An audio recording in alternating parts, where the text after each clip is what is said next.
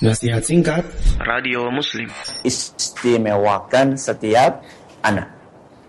Istimewakan setiap anak. Dan tentunya materi ini Bukan hanya kepada orang tua.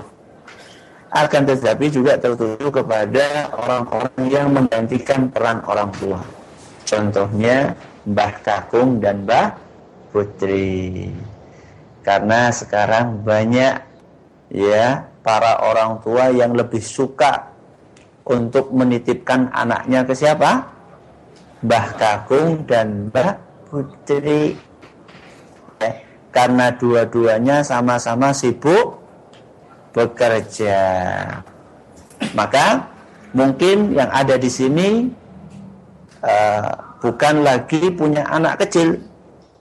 Ya, dalam arti bukan anaknya sudah besar-besar Ya, akan tetapi mungkin yang hadir di sini atau para pendengar atau para pemirsa mungkin ada di antara panjenengan sekalian yang punya cucu cucu yang dititipkan oleh putra panjenengan atau putri panjenengan atau mantu panjenengan.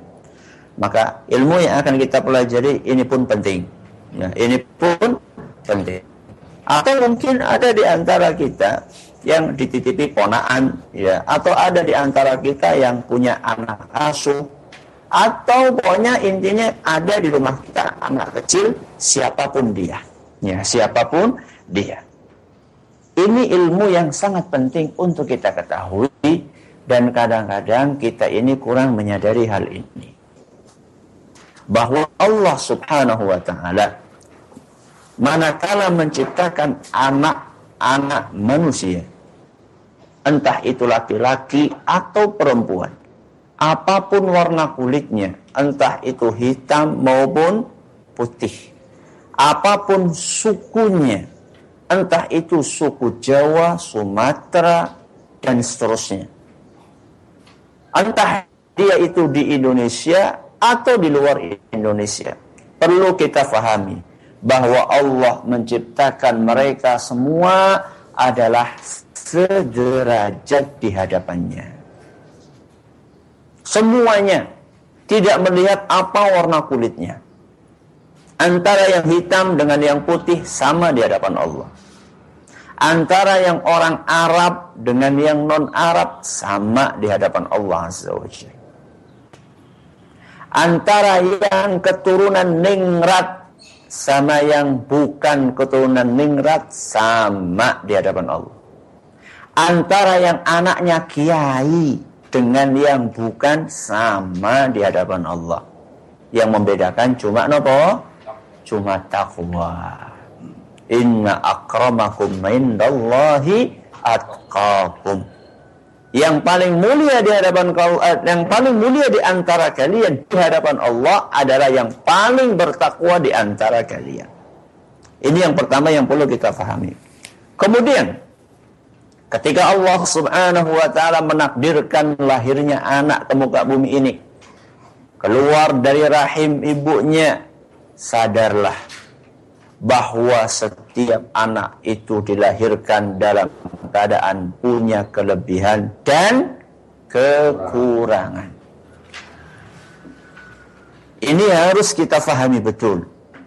Ya, supaya apa? supaya kita tidak timpang di dalam menilai anak atau cucu atau keponakan atau anak asuh kita.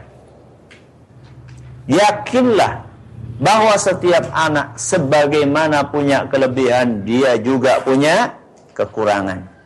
Sebagaimana dia punya kekurangan, dia juga punya kele kelebihan. Anda ada bu anak yang cuma punya kelebihan tok tanpa kekurangan. Tidak ada. Sebagaimana tidak ada anak yang cuma punya kekurangan, tidak punya kele kelebihan. Jadi nggak akan kita ketemukan anak ini unggul semuanya. Ya, nggak ada kekurangannya sama sekali, tidak ada itu.